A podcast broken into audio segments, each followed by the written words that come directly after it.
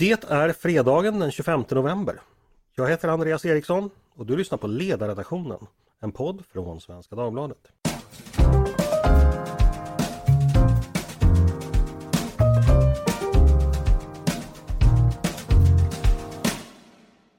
Varmt välkomna! Det har hunnit bli sent i november och det övergivna Muminhuset fylls av vinddrivna existenser på väg bort från något de inte kan förklara och på väg till något de inte kan förstå. Alla har de mist något och alla är de utlämnade åt varandra. Muminfamiljen befinner sig i yttersta havsbandet där pappan försöker återta en förlorad manlighet och återvinna en förlorad auktoritet. Där Mumintrollet långsamt och sömngångaraktigt tumlar in i puberteten och där mamman bara som vanligt vill göra det trevligt för alla. Det hade hunnit bli 1970-tal när Tove skrev den där boken och 1940-talets sällsamma barnboksfigurer var sedan länge borta. Ersätta med vuxna och djupt existentiella arketyper vars psykologi och öden vandrat långt bort från barnkammarens trygga sagostunder. 1970-talet erbjöd också för världen nya och växande skiften och skilda öden. Masker föll av och nya togs på. Efterkrigstidens gyllene era, rekordårens le Trente Glorieuses, gick mot sitt slut. Plötsligt sinade oljan i villapannorna, mjölken blev dyrare för varje dag och miljonprogrammet stod plötsligt där i all sin betongkalla socialrealistiska verklighet. Det svartvita tramsandet från Hyland och Andy Pandy ersattes med dokumentära färgbilder från en värld som trädde sig på utifrån i form av nya och främmande begrepp som Biafra och Kampuchea, så småningom Beirut och Etiopien. De svenska varven och tekoindustrin slog in i en vägg av global konkurrens och det svenska folkhemmet drabbades av knarrande trappor och slitna vindskivor som behövde bytas ut i takt med en allt mulnare himmel, himmel över skymningslandet. Men världen gick förstås vidare från en november till en annan och ännu ett decennium gjorde entré med sin egen rytm och sin egen syntax. En värld där yuppies springer och de första mobilerna ringer. En värld där vintrarna blir kalla, där Kjell-Olof lovar allt till alla och där ropen skalla om att korta kavajer, de är riktigt balla. Becquerel-dropparna duggar, Ebbe buggar och det blir krig bland juggar. Muren faller, alla har sitt eget Loketskvaller och Mandela slipper skaka galler. Man och så sätter man på Letterman, lär sig Seinfeld-skämten, sappar sen till TV1000-flämten. Surjämten röstar nej i EG-valet och 90-talet kom med mediaskvalet.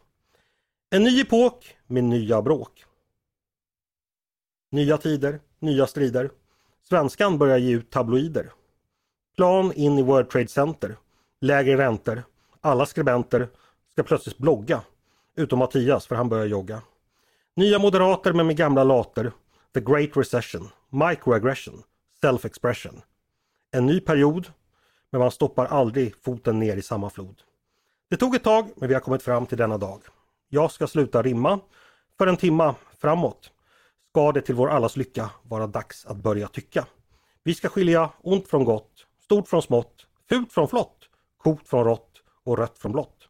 Vi ska sortera rätt från fel, det äkta ifrån spel, alfahannen ifrån incel. Välkomna till veckans fredagspanel. Kollegorna vid min sida, de heter Paulina, Mattias och Peter.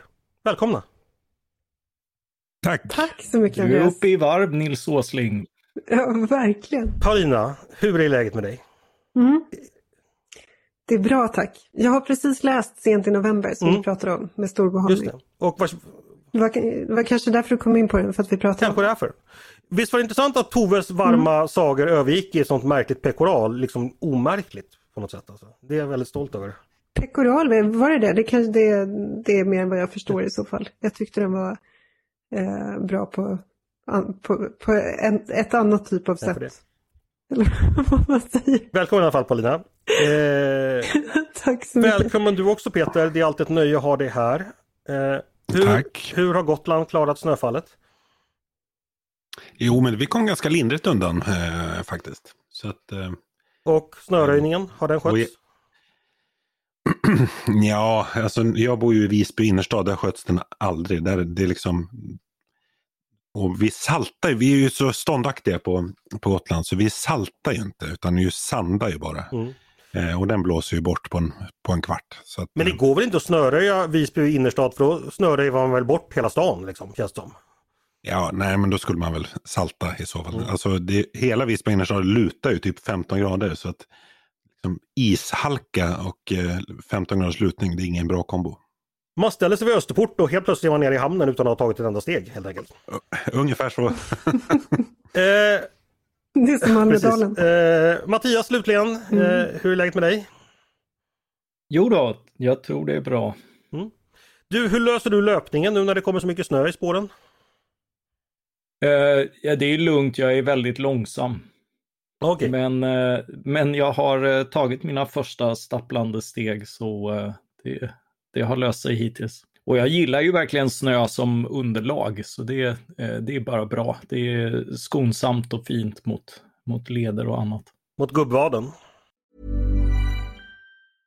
Hey, I'm Ryan Reynolds. At Mint Mobile, we like to do the opposite of what Big Wireless does. They charge you a lot, we charge you a little. So naturally, when they announced they'd be raising their prices due to inflation, we decided to deflate our prices due to not hating you.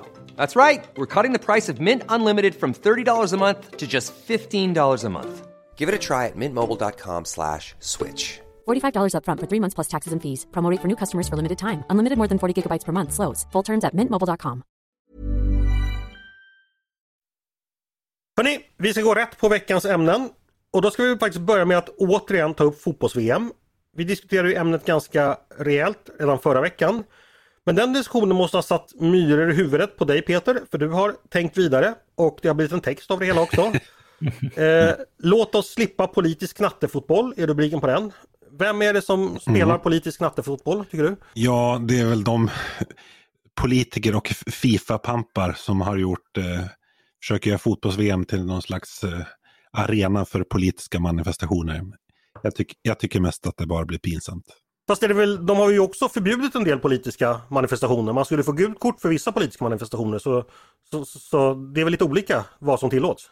Ja, eller nu, där de tvistar väl det lärde om om man skulle få gult kort för de här politiska man, manifestationerna. Men alltså så här, jag tycker att diskussionen om huruvida diktaturer ska få genomföra världsmästerskap eller liksom stora idrottstävlingar, den är viktig att föra. Men när den frågan är avgjord, ja, då, alltså den, jag tycker den diskussionen den får man liksom betrakta som avslutad när idrottsevenemang startar. Och kan man inte acceptera det beslut som fattats, ja men då, då får man väl stanna hemma. Okej, Okej, men det låter som du tycker det är lite fånigt att åka till eh, Qatar och, och spela VM men, men då- ändå ta på sig att protestera med någon armbindel eller sådär. Det, det är en lite... Ja, fast nu, nu, var, nu var ju grejen att de, det gjordes ju inte eh, det heller. Utan här, man, man sa att man skulle protestera mot, eh, eller i det här fallet har det ju handlat om det här One Love kaptensbinden som då ska vara någon slags protest mot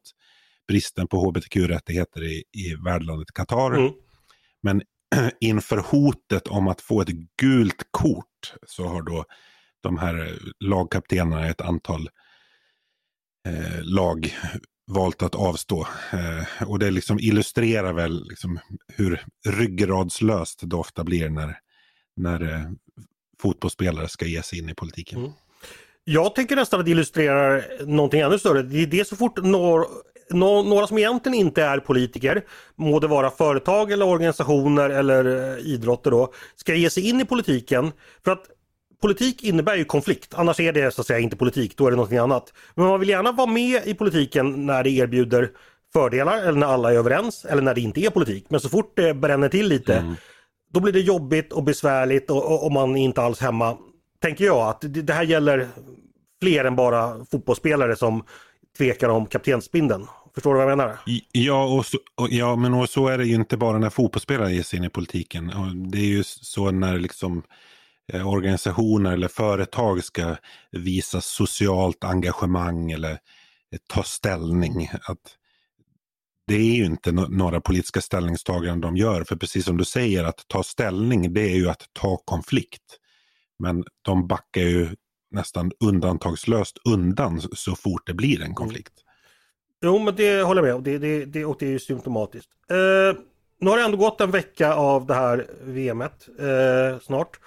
Jag såg att en väldigt stor andel av svenskarna, den tänkta tv-publiken, faktiskt inte tittar på VM. Nu vet vi inte om det är sant för jag tror inte vi har fått några tittarsiffror än men det är i alla fall vad man påstod sig göra före VM. Eh, jag tror att det var så att ungefär 20% av svenskarna, av alla svenskar, hade tänkt titta på fotbolls-VM men avstod på grund av värdlandet. Jag tror att väldigt många av dem säger så. De, har inte, de vill egentligen titta för att det är november för att Sverige inte är med i alla fall. Men det är i alla fall vad man säger.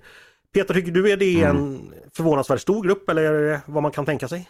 Ja, precis som du säger. Jag, jag tvivlar kanske på att den gruppen är eh, så, så stor. När man, när man en gång har jobbat på en kvällstidning då vet man hur stor skillnad det är eh, på vad människor säger att de gör och vad de faktiskt gör. Ingen läser kvällstidningar och ändå så, så hade vi jättemycket läsare. Ändå tog ni, fick ni lön varje månad. ja, precis. Mycket, mycket ja. märkligt. Eh, men alltså jag tycker att, alltså jag förstår det ställningstagandet. Eh, och jag känner, så jag har själv sett några matcher.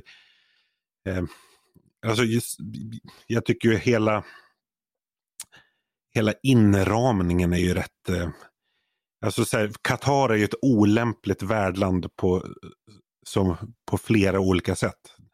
Eh, men och det som ju inte minst gör det tråkigt nu när turneringen har startat är ju liksom att det märks så tydligt att det inte finns liksom några fotbollstraditioner eller någon fotbollskultur. Det är ganska avslaget. Mm. Eh, Mattias, när du läste Peters text, vad tänkte du?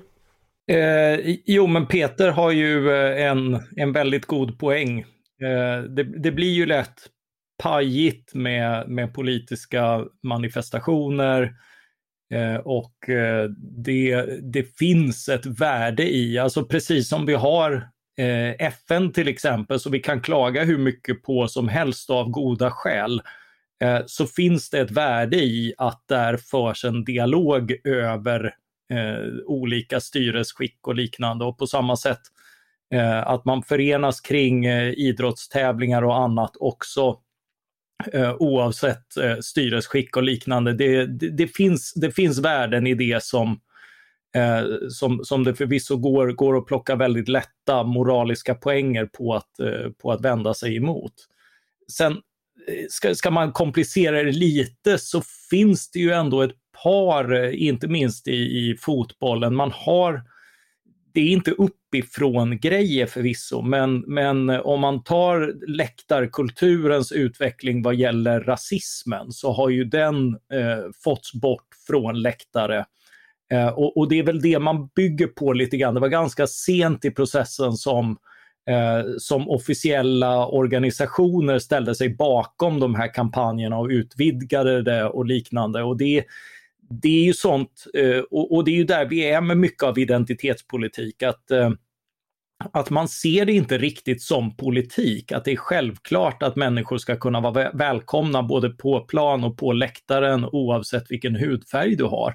Och att, det, att det liksom, man, man rensar ut den typen av eh, ja, rätt eh, vidriga ramsor och så vidare som var. Men, men Eh, men, men det, och, och, jag tror att de flesta som, som kommer med ett eh, armband idag med, eh, med liksom olika sexuell läggning är för att det här anses så självklart att det inte är politik. Fast i Qatar är det Sen politik är det i högsta politik. grad. I, ja. I Qatar är det ju ja. politik i högsta grad, men, men, eh, men det är snarare för förståelsen att det här borde vara självklart, så därför, eh, så därför gör vi det. Eh, det, det, det, går att sympatisera och förstå den, den hållningen. Mm. Även om det ofta blir pajigt när den ska manifesteras. Jag tänker till på det du säger om rasismen. Eh, du och jag som då såg allsvenska fotbollsläktare både på 90-talet och eh, tillbaka på 80-talet vet ju att rasism var ju någonting som florerade ganska eh, oemotsagt där på ett sätt som idag, ja det var väldigt rått och väldigt obehagligt. Nu har ju faktiskt en del lyft fram just fotbollen och läktarkultur som någon form av ja, helt enkelt antirasistisk praktik där liksom alla får vara med så länge man håller på laget och alla spelarna gillar man, gillar man så länge de spelar i ens lag och där hudfärg, ursprung och annan, annan bakgrund helt enkelt inte har någon plats. Eh, den aspekten finns ju också tänker jag. Ja, det var lite den jag försökte ja, ta exakt. upp. det var jag som plockade upp den. eh, nej men så är det ju att liksom, sen, sen så, och det här skedde ju innan Uefa började med sitt, eller om det var Fifa, säg nej till rasism och sån, de här reklamfilmerna som, som kom senare.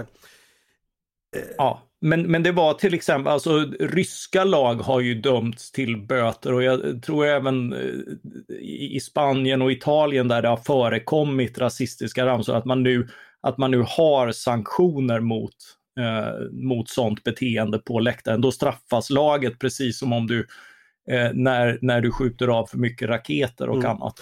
Nu ska jag bara säga, för ifall jag har en gammal polare som lyssnar på det här så kommer de tänka för sig själv, nu låter Andy som någon person som uh, gick på fotboll. Jag gick på en match varannat år ungefär, uh, men, men i alla fall. Ja, du är ju djurgårdare. Uh, Jesper, det där klipper vi bort. Paulina, har du någonting att lägga till kring det här? Hur, hur så att säga, stora frågan, när politiken görs, när så att säga aktörer som egentligen inte är bekväma med att vara politiska ändå ska ge sig in i politiken? Nej men det finns så mycket kring det där om hur eh, ehm, det störde mig väldigt mycket att se hur det engelska landslaget gick ner på knä inför eh, matchen med det iranska laget. Utan ett ord om hur, det här är ju en protest mot polisvåld och utan ett ord om vad iransk polis ägnar sig åt precis just nu när man möter demonstranter. Ehm, så det tyckte jag var direkt stötande. Men sen så är det ju det är som ni säger, det är ju när frågor blir okontroversiella som alla förväntas ha en armbindel. Um, där är det ju intressant att eh, Luka Modric har ju till exempel vägrat av eh, mm. katolska skäl. Alltså han, eh, kroaterna har ju inte det här. Men jag fattar inte riktigt att det engelska landslaget gick ner på knä. Menar du att de borde samtidigt ha protesterat mot vad som sker i Iran? Eller vad tänker du? Nej men det här med att gå ner på knä i protest mot polisvåld. Det blir så otroligt konstigt eh, att göra det i ett sådant sammanhang. Det är konstigt att göra det överhuvudtaget men just i det sammanhanget blir det väldigt, väldigt märkligt. Alltså, att det finns rötägg genom poliskåren i demokratier, det är sant. Eh, men det är ingenting emot mm. det som sker i Iran. Fast näbbödet har väl kanske att göra med att man vill ta ställning mot vad som uppfattas som systematisk rasism. Både historiskt och, och idag inom amerikansk statsförvaltning generellt. Det är väl där ursprungligen det här kommer ifrån, tänker jag. Eh... Precis, och jag menar, det, det är ju i sig en, en, en väldigt radikal uppfattning som, som jag tror att mm. publiken... Fast den blev inte radikal, alltså man, väldigt, väldigt många har gjort det, så där har det ju blivit mainstream och allmängods. Även fast kanske inte alla reflekterar över den. Ja, det, det svenska damlandslaget till exempel gör ju det där och det är ju kanske inte heller en insats för damfotbollen. Nej, okay. vad, vad tror du om det Peter? Och, det, och, det, och så, jag menar, så har det ju blivit därför att den gesten har liksom Eh, med tiden reducerats till att bara vara ett allmänt ställningstagande mot rasism eh, som är ganska mm. innehållslöst. Liksom. Ja, man visar att man är god. Helt enkelt. Det är, är ett enkelt sätt att visa att man är en god och fin människa. Jag, jag förstår faktiskt eh, alldeles utmärkt vad ni menar. Det, det klart finns. Nej, men så, så är ju de här liksom, fotbollslagens politiska tänkande är ju extremt kortsiktigt också. Nu såg jag att Gareth, Gareth Southgate som är då Storbritanniens eh, förbundskapten gick ut och sa att det nog inte blir några ytterligare liksom, manifestationer. De kommer liksom inte trumfa. För nu gick ju det tyska laget ut och gjorde någon manifestation i samband med att de tog lagbild. Att nu kommer, men engelsmännen kommer inte följa upp det här därför att det liksom stör typ stör deras koncentration mm. inför matchen. Alltså att de inte ens att, verkar tänkt den tanken att så tar man politisk ställning på riktigt, tar man konflikt på riktigt, ja då, då, då får man liksom ta konsekvenserna av den konflikten också. Och det är ju att man Eh, förväntas både fullfölja den, kunna svara på frågor kring mm. den och, så, och då blir ju fokus... Men det är ju för att de inte är politiska organisationer på riktigt. Alltså de har ju ingen långsiktighet Nej. eller ingen tanke bakom och då blir det ju bara en gest. Sen skulle det vara intressant ifall lagen kunde förvandlas till politiska organisationer. Vi hade väl exempelvis eh, ett brasilianskt lag en gång i tiden där det fanns liksom övertygade marxister som gärna tog debatt och dessutom eh, spe spelade och vägrade lyssna på tränaren som ansågs alltså, ja, men det här är ju sant, men de var så bra så att eh, så det, det har ju förekommit mm. liksom, tidigare att folk är genuint övertygade. Eh, svårt att tänka sig i dagens fotboll kanske. Men hörni, vi ska inte dröja länge vid detta. Vi ska gå vidare. Eh, och då tänker jag att vi ska gå på veckans stora snackis på Twitter där jag tillbringar ohälsosamt mycket av min tid. Även i dessa yttersta tider. Jag har inte skaffat mig ett sånt där metadonkonto som alla andra har utan jag är kvar på Twitter. Och där är det nämligen så att en artikel från Svenskan har blivit jätteomdiskuterad. Inte publicerad av oss på ledarsidan utan på idagsidan faktiskt. Och det är första delen i en artikelserie som handlar om könskapet och kärleken. I den artikeln möter vi en ung man eh, som är sverigedemokrat, tidigare lokalpolitiker eh, och eh, fortfarande sympatisör som jag förstod det. Som berättar att hans politiska ställningstagande gjort det svårt för honom att helt enkelt hitta kärleken. Kvinnor vill inte dejta eller inleda en relation med honom av politiska skäl. Eh, och I den här artikeln diskuteras också det faktum att män och kvinnor skiljer sig åt, på, eh, åt politiskt på gruppnivå mer än det varit tidigare. Man, man röstar och tycker olika helt enkelt. Var ska man börja när man då ska tycka och tänka om detta? Eh, tänkte att Paulina ska få första kniven eh, och sätta i, i, i dissektionsexemplaret här. Eh, min första fundering är väldigt enkel. Är det så här? Tror du att det finns många som mannen i artikeln som upplever att politik påverkar relationer? Jag kan utifrån min anekdotiska horisont så tycker jag att jag hör ganska ofta från män att de inte vågar prata med sina dejter eller flickvänner eller vad det kan vara om eh, sina politiska åsikter. Eh, och då gäller det just att eh, killarna är mer höger än tjejerna eller man mm. utgår från att tjejer är mer vänster. Det här debatten bemöttes ju på DN Ledare i en text av Lisa Magnusson då skriver att det är klart att vi inte dejtar SD, SD är ju mm. dumma i huvudet i princip. Eh, en ganska rå text faktiskt som jag reagerade ganska starkt över. Eh, men jag tror att det är en ganska vanlig uppfattning bland tjejer som är vänster att det går inte att ha en relation med någon som är höger mm. för att högern är ond. Alltså höger överhuvudtaget men SD... Men är det så konstigt om, om man då anser att Sverigedemokraterna är onda eh, då är det väl inte så konstigt att man heller inte vill ha eh, mm. några relationer och allra minst intima eller nära relationer med, med en ond person? Ja, men det är väldigt svårt att avgöra om någon är god eller ond på basis av vad de röstar på för parti. Alltså, även om du röstade på Vänsterpartiet eh, när, när partiet hade tätare band med eh, kommunistregimer var man ond då? Var man en ond människa? Ja, det, ty det tycker uppenbarligen folk. För att, för att jag har också läst den här texten på DN Ledare eh, och jag har sett den här reaktionen återigen på Twitter var det många som skrev att ja, det är inte synd om dig för att du är fascist och fascister är onda människor och eh, eh då vill andra inte vara med dig. Jag, jag, säger inte, jag säger inte att, jag, jag, att det är jag som tycker att det här är åsikten. Min inställning som jag pratat om många gånger i podden är att om man röstar på SD så är det inte alls säkert att man är fascist. Man kanske bara vill ha en minskad migration i ett land som har haft rekordhög mm. migration i, i väldigt många år. Eh, så det behöver inte alls betyda att man är fascist. Eh, men sen så finns det en annan intressant psykologisk aspekt tycker jag och det är att, att kvinnor egentligen alltid, vad jag vet, kan, eh, vad jag föreställer mig, har, har fungerat som väktare av det som är propert och korrekt. Eh, jag håller på att läser Ann på Grönkulla, en av Ann på Grönkulla-böckerna. Eh, har ni läst dem? Ja, filmerna har jag sett. Ja. Eller sett filmerna. Ja. Då finns det en dam som heter Rachel Lind som går runt och har ordning på grannskapet och ser mm. till att alla beter sig propert och korrekt. Eh, och, och, den rollen har liksom alltid varit kvinnans. Att, att liksom kontrollera att allt går rätt till. Och när överheten och kyrkan var konservativ så var de här väktarna också konservativa, de här Rachel Lynn-typerna. Och när överheten och kyrkan är Dagens Nyheter då, då sker motsvarande förskjutning hos de här väktarna av det korrekta. Okej, du menar alltså att kvinnor generellt då är mer benägna att följa den existerande ordningen och inte göra uppror mot den. Så att, och så att säga, samhällets etablissemang och auktoriteter är åt ett visst håll, då kommer också kvinnor på gruppnivå ligga närmare den centrala linjen så att säga. Det är en väldigt intressant tanke. Precis, och det viktiga ordet här är förstås gruppnivå. Det gäller ju inte varje kvinna, men det finns en sån kvinnlig duktighet Alltså att hålla sig inom givna ramar och excellera inom de ramarna är ju, det är en väldigt kvinnlig sak. Ja. Så, så, kvinnor är alltså mer konservativa om man med konservativ menar håller sig till liksom etablerad ordning?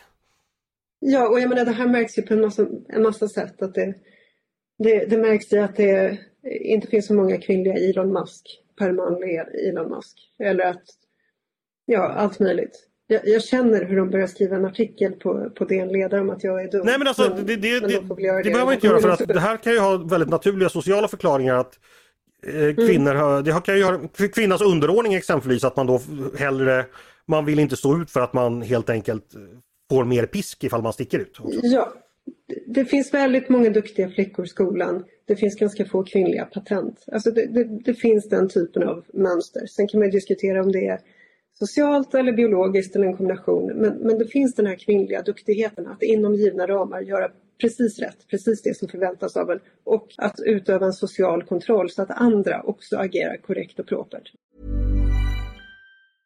Hej, jag Ryan Reynolds. På Mint Mobile, we like to do the opposite of what Big Wireless does. They charge you a lot, we charge you a little. So naturally, when they announced they'd be raising their prices due to inflation, we decided to deflate our prices due to not hating you. That's right. We're cutting the price of Mint Unlimited from $30 a month to just $15 a month. Give it a try at mintmobile.com slash switch. $45 upfront for three months plus taxes and fees. Promo rate for new customers for limited time. Unlimited more than 40 gigabytes per month. Slows. Full terms at mintmobile.com. Vi testar, vi testar den tanken, eh, alltså tanken att eh, duktiga flickor, det, det är kvinnlig duktighet av gammalt godkänt snitt som gör att man inte vill dejta Sverigedemokrater. Vi testar den tanken på Peter, Vad, köper du den? jo men alltså, jag tror det finns ju ett, ett, ett socialt pris att alltså, beblanda sig med, med eh, Sverigedemokrater. I, alltså hos många i, tror jag att det gör det. Men eh, sen är jag inte så säker på att, så här, att det egentligen är Sverige.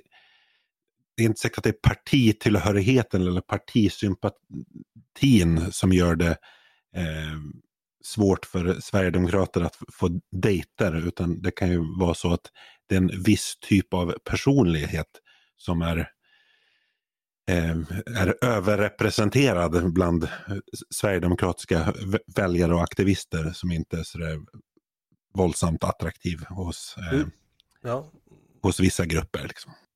Eh, jag vet inte om det är sant längre. Alltså, Sverigedemokraterna är ju liksom inte en marginell rörelse längre. De har ju väljare av alla möjliga slag. Alltså det, är, det är en femtedel av befolkningen. Mm. Liksom. Och ännu högre andel av män och en sån hög andel är ju inte knäpp. Liksom. Um, Sen så är det här reportaget, man, jag vet ingenting om den här killen och det är möjligt att alltså, man vet ingenting om det individuella fallet. Nej, men... det, vi behöver inte diskutera den här killen för det tycker jag känns lite onödigt. Han, han har ju ändå han har hängt ut sig lite själv på ett sätt som jag ja, man ska vara försiktig med medieovana personer som uttalar sig om intima saker i media tycker jag. Så att vi behöver inte prata honom. Men, det, men det, det, handlar ju också lite grann om hur man lever ut sina politiska Ja, du, du tänker på andelen, andelen tatueringar på bröstet med liksom den tyska örnen och sådär. Ja, men så här, nu, är det, nu är det bra länge sedan jag befann mig på, på datingmarknaden. Men om jag gav mig ut på datingmarknaden så tror jag att en viss typ av, av kvinnor med eh, som säkert röstar vänster, eh, eller de som lever ut sina vänstervärderingar eh, genom att ha ångest varje gång de eh, unnar sig något eller håller på och liksom Eh, räkna klimatavtryck varenda gång man är i, affär, i affären och handlar. Så ni vet den där typen av liksom ångestdrivet, samvets, samvetsdrivet vänsterbeteende. Mm. Eh, alltså, det skulle jag, en sån dejt skulle jag avsluta ganska snabbt, inte för att det är vänster utan för att det är så jävla mm. tråkigt. Eh, jag skulle, det, det skulle inte funka. Det finns ju någonting, ett auktoritärt drag här också som jag tror att många av oss känner igen. Det, här att det är inte bara det att jag inte håller med dig. Jag tycker du är en förskräcklig människa för att du inte tycker som jag. Och, eh, det där auktoritära draget hos dagens woka vänster är ganska otäckt. Jag tror inte man tänker på det själva. Jag tror att man bara tänker på sig själv som, som god och klok och återigen proper och korrekt. Men Paulina, kan inte du tycka att andra människor kan ha så vidriga åsikter att du helt enkelt inte vill hänga med dem eller dejta med dem ifall det har varit så? Jag tror att det är så att, att man tycker olika. Eh, det, alltså, det är ju en del av ett demokratiskt pluralistiskt samhälle att människor tycker, tycker olika. Om man inte klarar av att umgås med människor, att sitta och prata med människor som tycker något annat än man själv. Det är ju, det är ju inte ett sundhetstecken. Släpper in Mattias, på den tiden du var folkpartist, påverkar det ditt dejtande? Du får nog formulera om den här frågan. Mattias, har du någonsin upplevt att, ja, nu, nu är du, du är gift så många år, men att eh, ditt dejtande eh, påverkades av eh, politiska åsikter hos dig eller hos den andra? Nej, men jag tycker att hela, alltså det, det, blir väldigt töntigt också när man ska hålla på och sätta sig till doms över andras smak i sådana här väldigt intima eh, bedömningar därför att det är ju per definition så att det man, det man går igång på, det man tilltalas av i en eh, relation, antingen den är tillfällig eller tänkt att vara långvarig, eh, det är ju högst subjektiva saker. Eh, så jag tycker att det blir, det blir väldigt fånigt att hålla på och moralisera över kvinnors val för att de inte passar någon då. Alltså klickar ni inte, vad, vad är poängen med att dejta? Liksom? Det, var, varför gnälla över, eh, över att bli ratad istället för att gå vidare? Det, oavsett vad, det finns tusen anledningar till att man inte klickar. En av dem kan vara Precis, politisk, det, det, varför är min nästa fråga till, till alla, så här, om det här är ett problem att diskutera. För att hur väljer partner, sexuellt eller socialt eller relationsmässigt, det är ju en privatsak, i alla fall i vår tid och vårt land ett kollektivt intresse för detta. För, för något som liksom är, har så oerhört personligt och privat. Och vi vill ju som högermänniskor vill vi ju egentligen inte in och gräva i människors personliga val. Kan det inte bli miss... Nej, men... ja, förstår du vad jag menar Paulina? Mm. Det blir konstigt på något sätt.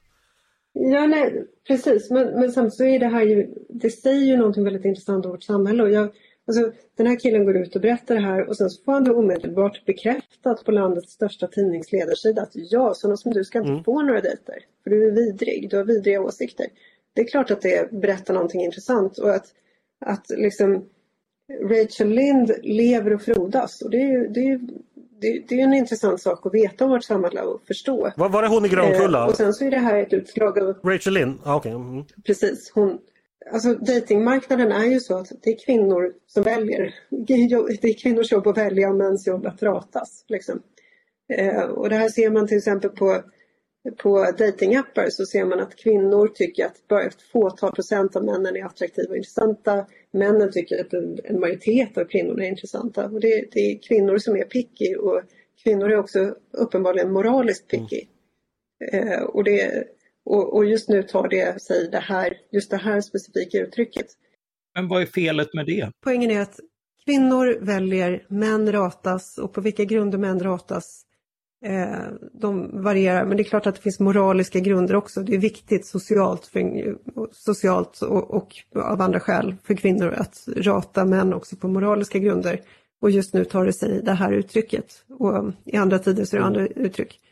Men varför är det kvinnorna vi diskuterar och inte männen? Eh, är det inte så, Peter var ju inne på det, alltså eh, Sverigedemokrat kommer med en stereotyp av hur folk beter sig på nätet och annars deras brigader och liknande, de beter sig inte trevligt, de har en Fast Mattias, det gäller ju inte alla Sverigedemokrater, så det kan ju inte generalisera så. Eh, vad, Nej, jag vet att det inte gäller, men varför diskuterar vi inte då hur ändrar du på den här stereotypen? Vad gör du för att skilja ut dig från de här dyngskallarna som ju uppenbart finns? Varför, varför diskuterar vi bara att kvinnor väljer fel och inte att männen inte gör tillräckligt för att bli rätt? Vi säger inte att kvinnor nödvändigtvis väljer fel, men att de väljer. ja, men Mattias, jag tänkte också så här att om, om, om att blir rätt i det här fallet innebär att man ska ändra den åsikten som man trots allt är, antar jag, övertygad om och som liksom man, precis som alla andra, ja det är någonting liksom man har, man har gått till sig själv och känner det här tror jag på. Och att man då känner att äh, då ska det ändras. Det tycker jag också blir lite konstigt. Nej, nej jag, jag, skulle ju inte ändra åsikt för, för att liksom låtsas vara någon jag inte är. Men om du tvärtom om, om det handlar om en fördom mot hur Sverigedemokrater är som personer snarare än liksom en, en ren åsiktsfråga, eh, då finns det ju möjligheter. Men jag är mer fascinerad över att, över att hela premissen handlar om att det är, det är kvinnor som väljer fel och där är hela problemet. Har man som individ ansvar för att motverka fördomar mot gruppen menar du? Alltså, ska den enskilda personen då göra du, du kanske har ett intresse av det om du vill dejta folk som tror på den fördomen. Fast du kan ju inte göra så mycket alltså, För det första så handlar det inte om fördomar i det här fallet. Och här sägs det att det är åsikten det är fel på, att den är den som gör någonting ont. Eh, men jag, jag, känner mig obekväm med den här diskussionen generellt av samma skäl. Mm. Att jag tycker inte vi ska in och, och belasta människor, varken hur de beter sig på dejter eller på något sätt känns det ovärdigt. Eh, Nej, Jo, men jag, precis. jag, Jag, försökte bara Mm. vända på Ja. perspektivet. Jo, men vilket perspektiv vi än använder så är det här människors privatsaker och det är, människor blottar Ja. sig, de är såriga här och att det ska bli föremål för diskussion. Ja, nu är det jag som har lyft upp den i podden, men, men, eh, men ni förstår vad jag menar ändå liksom att eh, jag vet, Ja, jo, alltså i båda, i båda fallen blir det ju fel att, att moralisera tycker jag. Eh, men sagt, det var veckans stora snackis så vi, eh, ja, jag följer bara st- strömmen. Stackars, stackars mig, jag har ingen egen vilja. Nej men, eh, nej, men det, är- det är klart det är intressant att diskutera för vi uppenbarligen så tycker vi alla saker om detta och, och har åsikter om det. Nej, jag tycker egentligen inte saker om detta. Nej, du låter bara käften glappa. Ja, men, för, för men, jag, men, men, jag, men jag tycker ändå så här, o, oavsett om det handlar om att man är sverigedemokrat eller någonting annat, så tycker jag man kan ju liksom stå upp för, jag vet inte om man ska kalla det för rätten att inte bli fördomsfullt eh, bemött. Men frågan är ju om det är det som det handlar om här eller om, om, om det faktiskt är, det har jag svårt att tro att det det handlar om, nu skulle vi inte prata om den här killen, men som det framgår i, i, i den artikeln så handlar det om att det är personer som har som utifrån hur han har betett sig i sociala medier och liksom levt ut sina sverigedemokratiska värderingar, att det är det som har fått dem att rata honom. Så är det, så är det säkert. Eh, ja men eh, vi kanske egentligen har, inte har så mycket mer om, om det här att säga tänker jag. Det skulle, vara, inte- det, det, det skulle vara intressant att veta ifall det här eh, är någonting som verkligen förekommer. Paulina, du har hört anekdotiskt om det från folk. Uppenbarligen finns den här killen. Man kanske skulle vara kul att få data. Är det här någonting som på allvar? För jag har också hört från andra hållet då. Då, då gäller det då några kvinnor jag känner som, som är då i, i lite högre ålder då men som är letar en, en man och då känner att fan alla karlar och gubbar nu för tiden är ju Sverigedemokrater. Eh, Så det, det är från andra, jag, jag hittar ingen vettig man i min egen ålder. Så att, Ja precis, och för hundra år sedan hade man sagt så här, massa män som inte går i kyrkan, de kan man ju inte, ja, de är ju inte möjliga att gifta sig med. ja, ja precis. Det, det, det, alltså, det, är precis samma mekanism. Ja. Hörni, eh, vi får, kommer säkert återkomma till detta. Om inte annat så ska ju eh, vår tidning då göra fler artiklar om just det här könskapet och eh, kärleken. Så vi får se vad som händer med det. Jag tänkte vända mig till Mattias och då blev det som ni förstår betydligt mer prosaiskt. Eh, Mattias, jag skulle vilja prata min privatekonomi med dig. Kan jag få göra det? eh, Ja, det kanske inte jag rekommenderar, men, Nej men ja. då, för att vi har ju just genomgått en, en valrörelse då det vinnande alternativet sa att allting skulle bli bättre för mig. Eh, Jag har bolån som jag amorterar på och som jag betalar all- allt högre ränta på. Jag har en fossilbil, eh, tyvärr då, som blir allt dyrare att tanka. Och jag har ett hus att värma upp, allting det blir också dyrare. Och regeringen talade ju till mig innan valet och sa att det skulle bli bättre för mig. Eh, hittills har det inte blivit det. Eh, varför gör regeringen inte det lättare för oss villaägare med fossilbil som eh, har höga huslån? Nu var det ju inte så att de sa att det skulle bli bättre. De sa att de skulle försöka mildra de problem som finns med stigande kostnader för, för just den här gruppen. Eh, och sen, eh, sen så noterar de ju att eh, det där kostar betydligt mer än, än vad de egentligen hade tänkt Mm. sig. Eh, men, men det är klart, jag menar, du får en rejäl eh, elpeng. Eh, de sänker bensinskatten, låt vara inte så mycket som, eh, som de trodde att de hade råd med, men det är fortfarande den största eh, posten av eh, budgeten. Om, du måste ändå medge att det finns andra behov. Eh, vi behöver bygga ut försvaret, eh, vi behöver förstärka polis och rättsväsende med mera eh, som, eh, som, som också behövs. Det, det skulle också behövas att, att sänka skatter mer generellt därför att det inte bara människor som bor i villa som, eh, som har det tuffare ekonomiskt nu. Så, så helt enkelt i, i relation till andra eh, behov plus då att om man skulle spendera väldigt mycket från, eh, från statens sida så blir eh, räntehöjningarna ännu värre och då får du liksom eh, då, då får du eh, i ditt fall ganska mycket samma kostnader eh, nästan oavsett hur du vänder Så jag dig. har ingen anledning att klaga egentligen, tycker du? Eh, det har det ju eftersom de lovade väldigt mycket eh, och förmodligen lät som att man skulle åstadkomma mer. Men det är ju en generell läxa att eh, att politiker kan inte trolla med knäna, de kan inte, de, de har inte egna pengar, de måste ta dem från någon. Eh, och, eh, eller låna från framtida generationer och det har just blivit dyrare. Eh, så så det, det är klart att att, att det, liksom, det, det, var en överbudspolitik i valrörelsen och det förtjänar politikerna att få kritik för. Och eh, de som är som mig och väljare som mig, eh, har, vi har lite anledning att vara lite besvikna då? Ja, det beror på. Röstade du för, för liksom din, din privatekonomi och inte för några någon mer generell inriktning på landet så, Men jag röstar ju alltid på, Folkpartiet. jag, jag röstar alltid på Folkpartiet Mattias, det vet du ju. Och det skulle jag göra oavsett om det var en ja. häst som var partiledare som Ebbe Carlsson sa om Socialdemokraterna. så att, I mitt fall röstar jag naturligtvis inte angående min person, privatekonomi, men människor som mig som gör det. Mm. Och, och, då, och, då har du, och då har du mindre anledning att, att uh, bli besviken. Jag är ju i en uh, liknande situation som du, jag också uh, boende med lån och, och bensinbil och liknande, men Eh, Eh, men, men eh, är inte lika besviken därför att jag röstade också för en, en, en regering som inte försöker ge allt åt alla och, eh, och, och, som kan hantera när det blir, när det blir tuffare ekonomiska tider och, och prioritera bland, bland utgifter. Och det tycker jag att regeringen har gjort, eh, gjort bra genom att göra mig och andra privatekonomiskt besvikna. Finns det någon risk i att människor får det helt enkelt för tufft och att eh, hushållen drabbas så att man kanske måste sälja sitt hus eller att man måste, eh, ja det, det går helt enkelt väldigt illa för en? Ja, alltså det, det händer ju alltid under eh, omvälvningar. Den här föreställningen om att, om att vi skulle kunna leva i en, i en skyddad värld som där, där det aldrig märks när, eh, när ekonomiska villkor förändras. Vi har Eh, Eh, vi hade en pandemi som drog in, det ledde till att människor dog. Eh, det var förmodligen oundvikligt även om vi kan diskutera hur mycket eller lite och vad politiken kunde göra för skillnad på marginalen. Det är vi fortfarande inte riktigt överens om.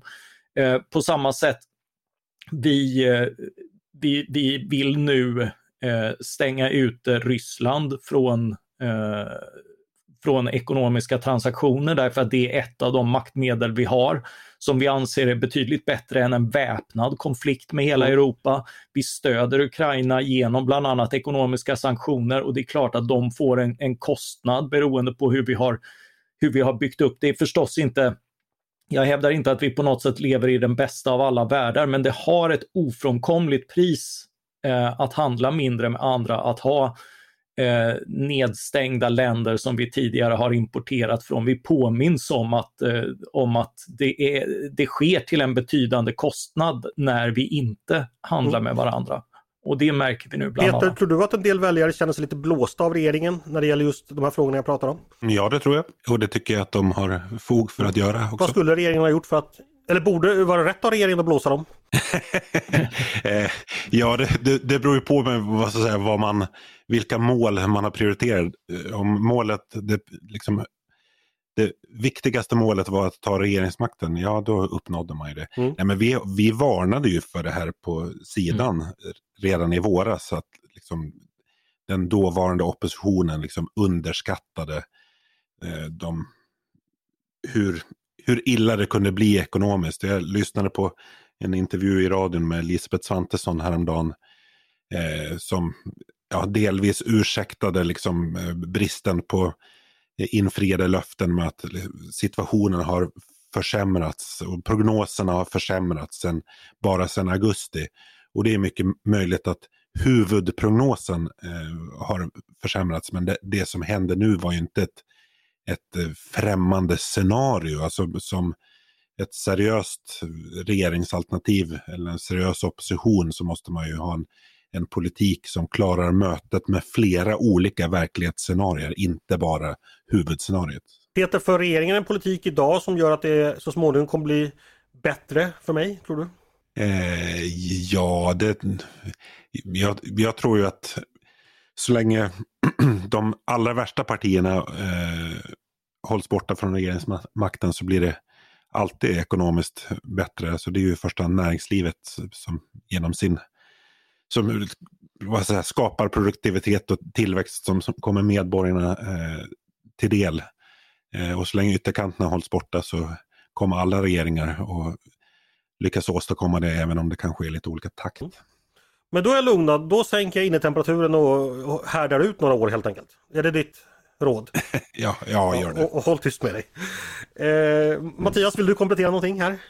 Ja, men alltså eh, man, man, får ju ändå sätta det i relation till, eh, till tidigare generationer. Det var, det var trots allt... Det, det var, jag ska vara tacksam över att jag inte dör i böldpest, tänker du?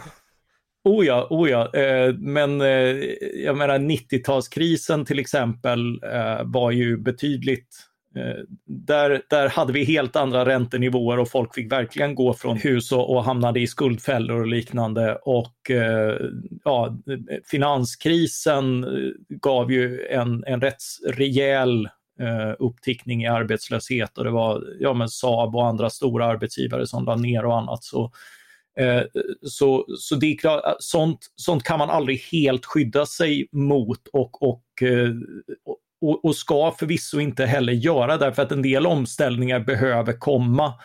Eh, och då är det ju bättre att ha en regering som, som ser till att de går så smidigt som möjligt och att folk kan få nytt arbete om man blir av med arbete eller kan, kan hitta ett nytt boende om man behöver byta, om man tagit sig ekonomiskt vatten över huvudet eh, och så vidare.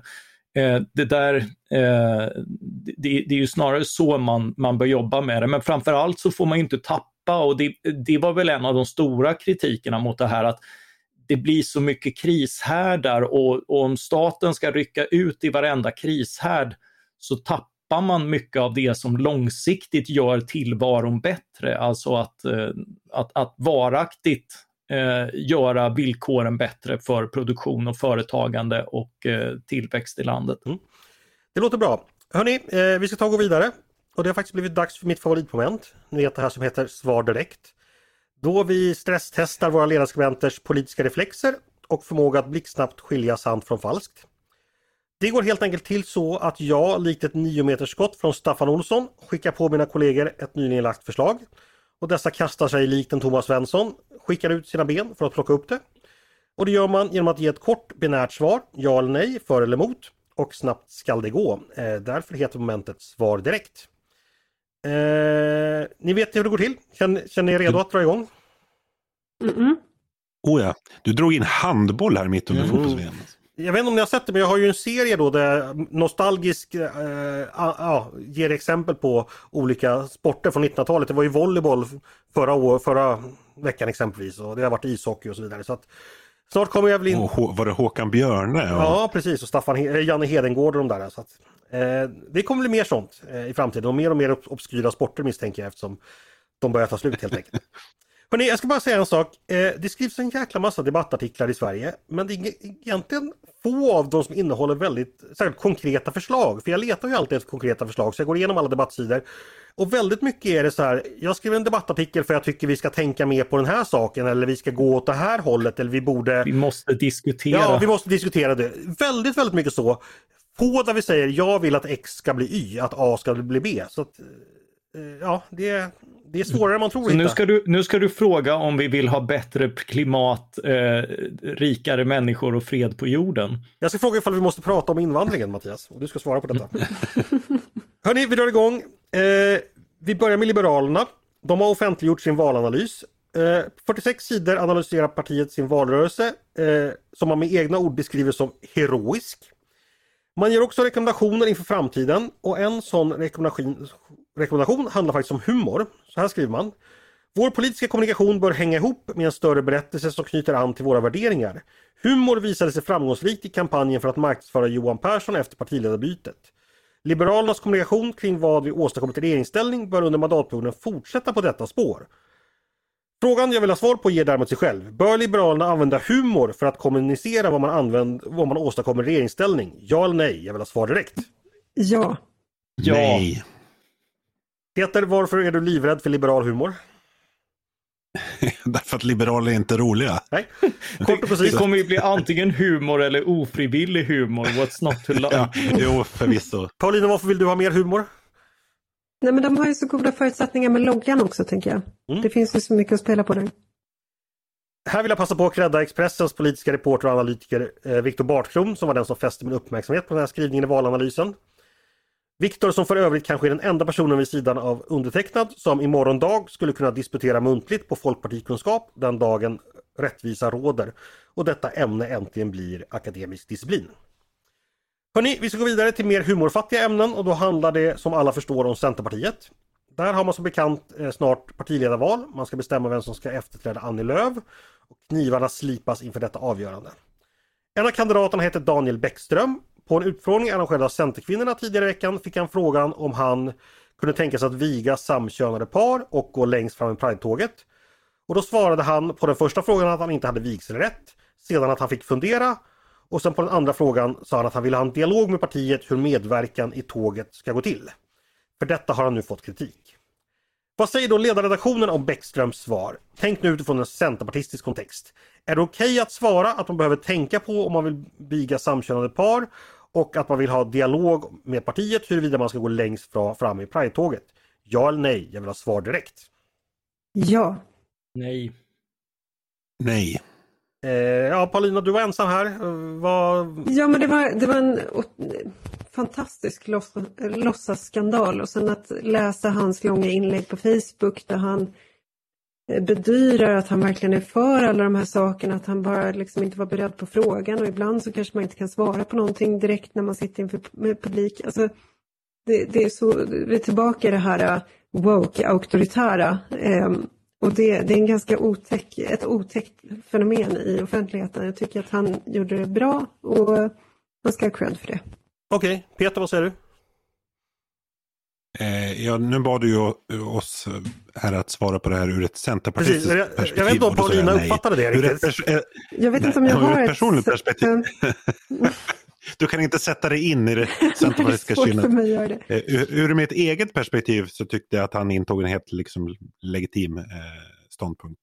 Men jag var ju förvånad. Alltså, han är ju rimligen medveten om vad den här typen av frågor har för liksom symbolisk tyngd mm. I det parti där han aspirerar på partiledarposten. Så, eh, och då tycker jag att då borde han mm. kunna gett ett betydligt ty tydligare svar ja, på det. det. Det tycker, tänkte jag också faktiskt att märklig fråga att, att snubbla på. Hörni, eh, eller Mattias, vill du kommentera det förresten någonting? Nej, alltså eh, visst är det väl så att man får vigselrätt när man är partiledare? Det vet jag faktiskt inte, det får vi kolla upp vid tillfälle. För, för, för jag, jag, tror att eh, det, det, är väl så att man, man, man får den rätten där och då bör man ju vara förberedd på vad man kom, hur man kommer att använda. Nej, har alla riksdagsledamöter, har alla riksdagsledamöter vigselrätt? Ja, men du. Ja, det får vi kolla upp. Vi ska gå vidare och det är dags för mitt stora favoritmoment, det vi kallar Är du smartare än en ledarskribent? Ni känner till detta moment väl. Jag testar ledarsidans skribenter på några triviafrågor som anknyter till dagens diskussion. Och ni som lyssnar kan vara med och svara. Svarar ni snabbare och mer korrekt på mina frågor än vad Peter, Mattias och Paulina gör, då är ni helt enkelt smartare än ledarskribent och ni behöver aldrig mer bry er om vad just dessa ledarskribenter skriver eller tycker för ni är ju smartare än vad de är. Grattis till er i så fall! Peter, du är ju regerande mästare efter att ha defilerat i förra veckans På spåret-tema. Eh, det var en sån, kro det var en sån mm. kross att matchen mellan Djurgården och Hammarby i augusti 1990 framstod som en jämn och spännande match i jämförelse. Eh, och nu vet du också att jag på uppmaning av läsare gjort om reglerna. Svarar man gör man genom att säga sitt namn. Men nu är det så att man bara får minus om man svarar innan jag läst färdigt frågan. Då slutar jag läsa och då får man svara. Men om jag har läst färdigt frågan då får alla en chansning vardera utan att riskera minuspoäng. Då ska vi dra igång och på söndag är det ju första advent. Jag tycker detta ska vägleda oss eh, idag. Och första advent, då tänker jag förstås på Sveriges första kvinnliga utrikesminister. Vad hette hon?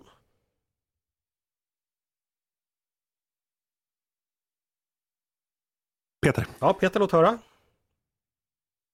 Visst var det Margareta af Ugglas? Det var det inte. Du står kvar på noll poäng. Nej! Någon annan som vill chansa? Inga mm. minuspoäng som sagt. Paulina hummar lite där. Paulina, då, då, då gissar jag också Laila Freivalds. Det var det inte heller. Eh, svaret är nämligen Karin Söder som blev utrikesminister 1976. Ja. Eh, hon... Det var ju faktiskt ganska länge sedan. Det var länge sedan. Det var det. Karin Söder efterträdde då en annan legendarisk minister, eh, Sven Andersson, en av Sveriges allra, allra hårdaste kalla krigare. Stor-Sven kallad. En annan som var stor, det var ju Stora Småland i Hedeborna. Och i Småland, där ligger ju Kalmar. Nämn en av de två ministrarna i regeringen Kristersson som är född i Kalmar.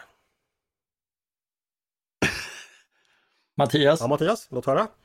Niklas Wikman. Mm, helt rätt, ett poäng till dig. Kan du den andra också kan du få ett bonuspoäng här. Oh, eh, kan Anna Tenje vara från Kalmar? Nej, Erik Slottner. Ja. Ett poäng till Mattias, noll för övriga. Eh, när första ljuset brinner står julens dörr på glänt, heter det ju i förskoleramsan. Dörr, The Doors, låt The End spelades i inledningen på en känd film av Francis Ford Coppola. Vilken då? Peter, du vet vilken låt jag pratar om? Jo, det vet jag. Minns inte den här scenen? Jag kan säga att det som ledtråd kan jag säga att det är en djungel med exploderande napalm i, som visas just. Peter, Peter, får höra. Plutonen. Nej, det var inte sant. Det var Va? Apocalypse Now. Plutonen är gjord av Oliver Stone som du känner till. Ja, men förlåt. Fan, jag var ju på väg att spara, men okej. Hörni, eh, Mattias leder fortfarande med ett poäng. Eh, första ljuset får oss att tänka på första AP-fonden. Hur många AP-fonder finns det just nu? Mattias, Ja, Mattias. fem. Det var fel. Ah, Peter, Ja, låt höra. sju. Det var fel. Pa- Paulina, du har ju chansen gratis här. Du ska ju ta den. Men det, vi har ju pratat om det här, det finns ju skamfaktor också, förutom minuspoäng. Chansa på 323. åtta. 365 AP-fonder. Nej, jag vet inte. Nej, okej. Det finns sex stycken. Första, andra, tredje, fjärde, sjätte och sjunde. Eh, Ja, just det, är därför man blir förvirrad. Fortfarande Mattias leder på ett poäng. Eh, ja, första ljuset, första världskriget ger sig själv. Vem var kung i Sverige när första världskriget bröt ut? Paulina, Paulina, kör. eh, det, det var... Eh, vänta lite, jag måste få tänka. Nej, det ska man ha tänkt Ja, men det färdigt. var ju Gustav den femte. Ja, det var rätt. Bra. Ja tack. Ett poäng till dig också, ett poäng till Mattias och eh, eh, noll poäng till Peter. Första advent, och då tänker man också på första flygeskaden förstås, som senare döptes om till attackeskaden. Under kalla kriget var detta ett av Försvarsmaktens allra starkaste anfallsvapen som i ett tidigt skede skulle sättas in mot sovjetiska invasionsstyrkor på väg över Östersjön mot Sverige. Attacken beordrades då direkt av ÖB och hade ett smeknamn i enlighet med detta samt den tänkta kraften i anfallet. Vad kallades helt enkelt attackeskaden informellt inom Försvarsmakten?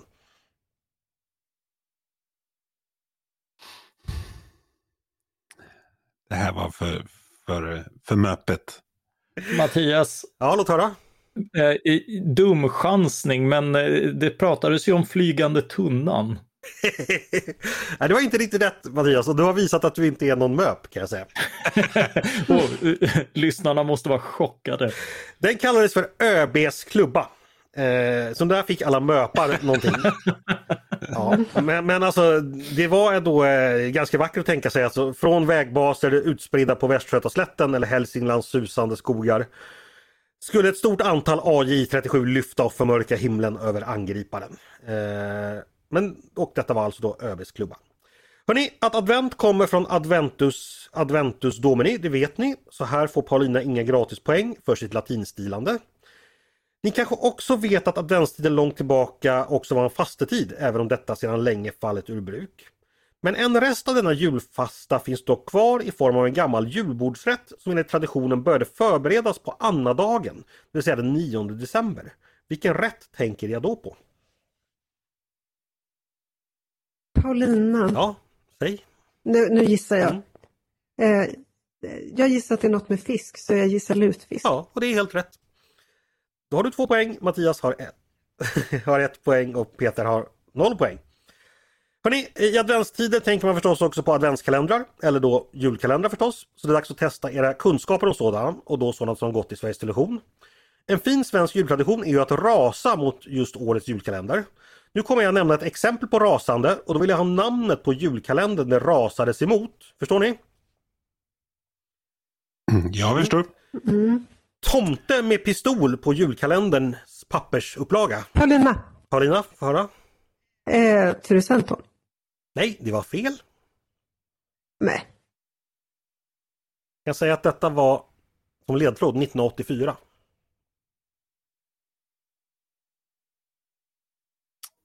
Oj. Tänkte att Peter och Mattias skulle minnas det här. Ja. Nej, det var julstrul med Staffan och Bengt.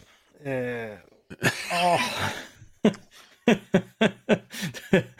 det hade jag aldrig gissat utifrån den ledtråden. det här då. Eh, det rasade mot att barn i miljonprogramsområde kastade ut julgranen från åttonde Mattias. våningen. Ja, låt höra. Broster, broster. Nej, det var fel. Fan. Där måste ju Mattias få en minuspoäng för han tog det Ja, innan Ja, du, du, hade du, du får ett minuspoäng. Vad är du på Ja. Mattias då? Då är jag på noll. Noll. noll. Ja. Barn i miljonprogramsområdet som kastade ut julgran från åttonde våningen. Det var ändå en, en centerpartistisk riksdagsman som hörde av sig eh, till radiochefen och skrev så här. Programmet är ytterst olämpligt för barn. De kan ta allvarligt skada av att titta på detta. Så bär sig ju ingen vettig människa åt. Eh, små barn kan lätt tro att det är så man ska bete sig när man blir stor. Vid ett tillfälle kastar eh, man ut en julgran från åttonde våningen. Det är direkt livsfarligt att lära barn sånt. Och eh, ledtråden är att det här året så var, var då julkalendern inte ett pappersark utan en byggsats i tredimensionell där man skulle bygga ett höghus. Och kalendern hette Barnen i höjden 1972. Ja, fan, jag glö- ja, det var ju det, den jag tänkte på, men jag tog fel namn. Det här då? Det här året rasades det mot en oerhört eh, obehaglig och realistisk scen där ett stort antal spädbarn avrättas brutalt.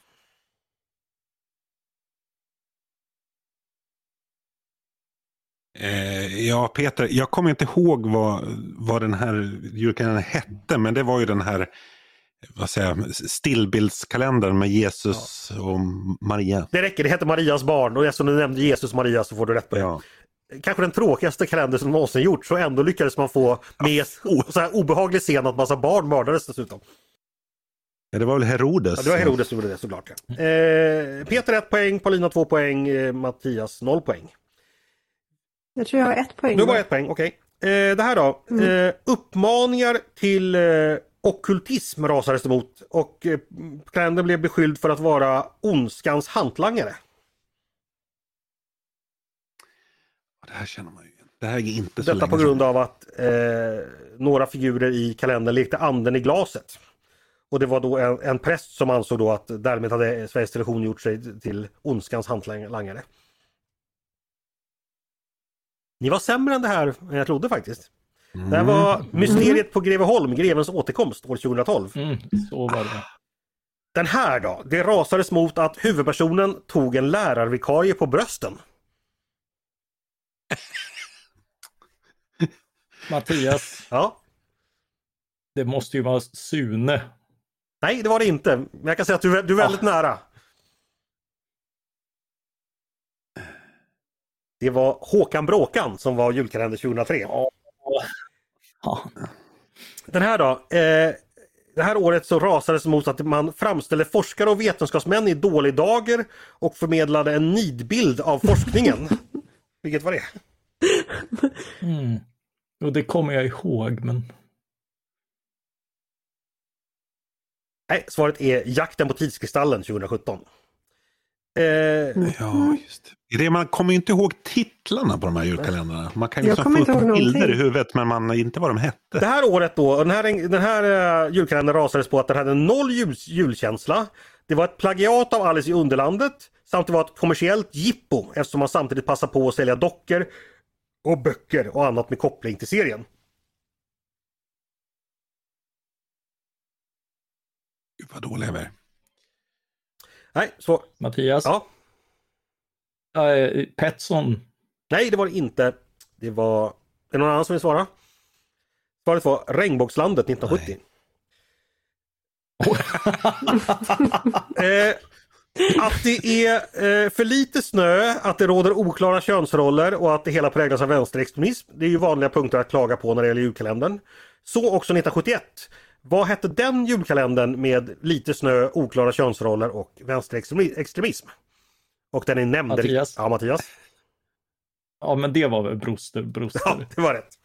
Bra Mattias! Ja. Eh, som sagt, det här var det lite klent med kunskaperna. Det är kanske är dags för lite självrannsakan här.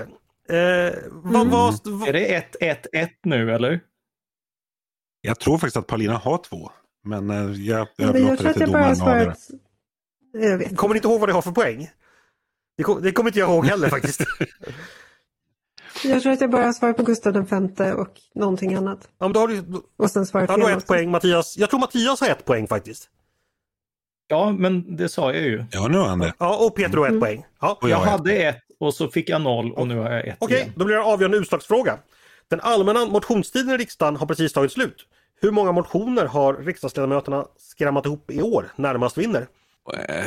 Jag satt ju och kollade. då. 1100. 1100 säger Peter. Nej, förresten jag ändrar mig till 963. 963 säger Peter. Vad säger du Mattias? Nej, jag tror det är 2000. 2000 ex exakt. Och vad säger Paulina? Alltså det brukar ju vara sån här, ett så här låtsasmått på om riksdagsledamöter är engagerade. Och de är ju 365 stycken ändå. Nej, de är 349. Ehm. Det är 365 dagar om året. Ja, det, det, 365 var det andra som jag tänkte på. Eh, ja, men 2100 då. Och därmed är Paulina närmast för det var 2238. Yes! Eh, I en mycket, mycket svag omgång så är det ändå Paulina som håller näsan ovanför vattenytan och vinner. Jag har ju, jag har ju själv rasat mot en julkalender en gång. Eh, den här som heter Tusen år till julafton. När det sitter en man på en säng och, och säger olämpliga saker till Jaha, barn. det, det, det raset hade jag missat då. Hade, hade jag känt till det hade jag naturligtvis tagit med det. Hörrni, Eh, Peter, du kanske vill att jag tar upp det igen i någon kommande text? Ja, gärna. Tack. hörrni, då har det blivit hög tid att runda av för idag. Paulina, du kan ta med dig den här eh, Lucia-kronan ända till nästa vecka då eh, och vara regerande mästare. Ja, men äntligen. Hörni, eh, stort tack för att ni var med och eh, pratade allting från dating till min privata ekonomi till eh, tittarstormar mot julkalendrar idag. Tack så mycket! Tack. Ett nöje. Och tack till er som har lyssnat också. Jag hoppas ni hade lite bättre koll på julkalendrarna, mina kära kollegor. Ni har lyssnat på Ledarredaktionen, en podd från Svenska Dagbladet. Ni är varmt välkomna att höra av er till redaktionen med tankar och synpunkter på det vi precis har diskuterat. Eller om ni har idéer och förslag på det vi ska ta upp i framtiden. Maila då bara till ledarsidan snabel svd.se. Dagens producent, han heter Jesper Sandström.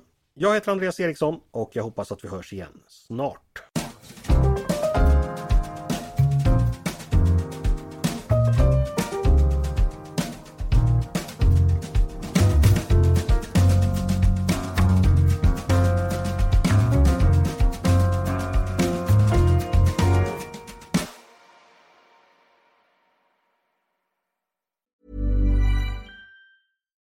Botox Cosmetic, out of botulinum toxin A, FDA approved for over 20 years. So, talk to your specialist to see if Botox Cosmetic is right for you.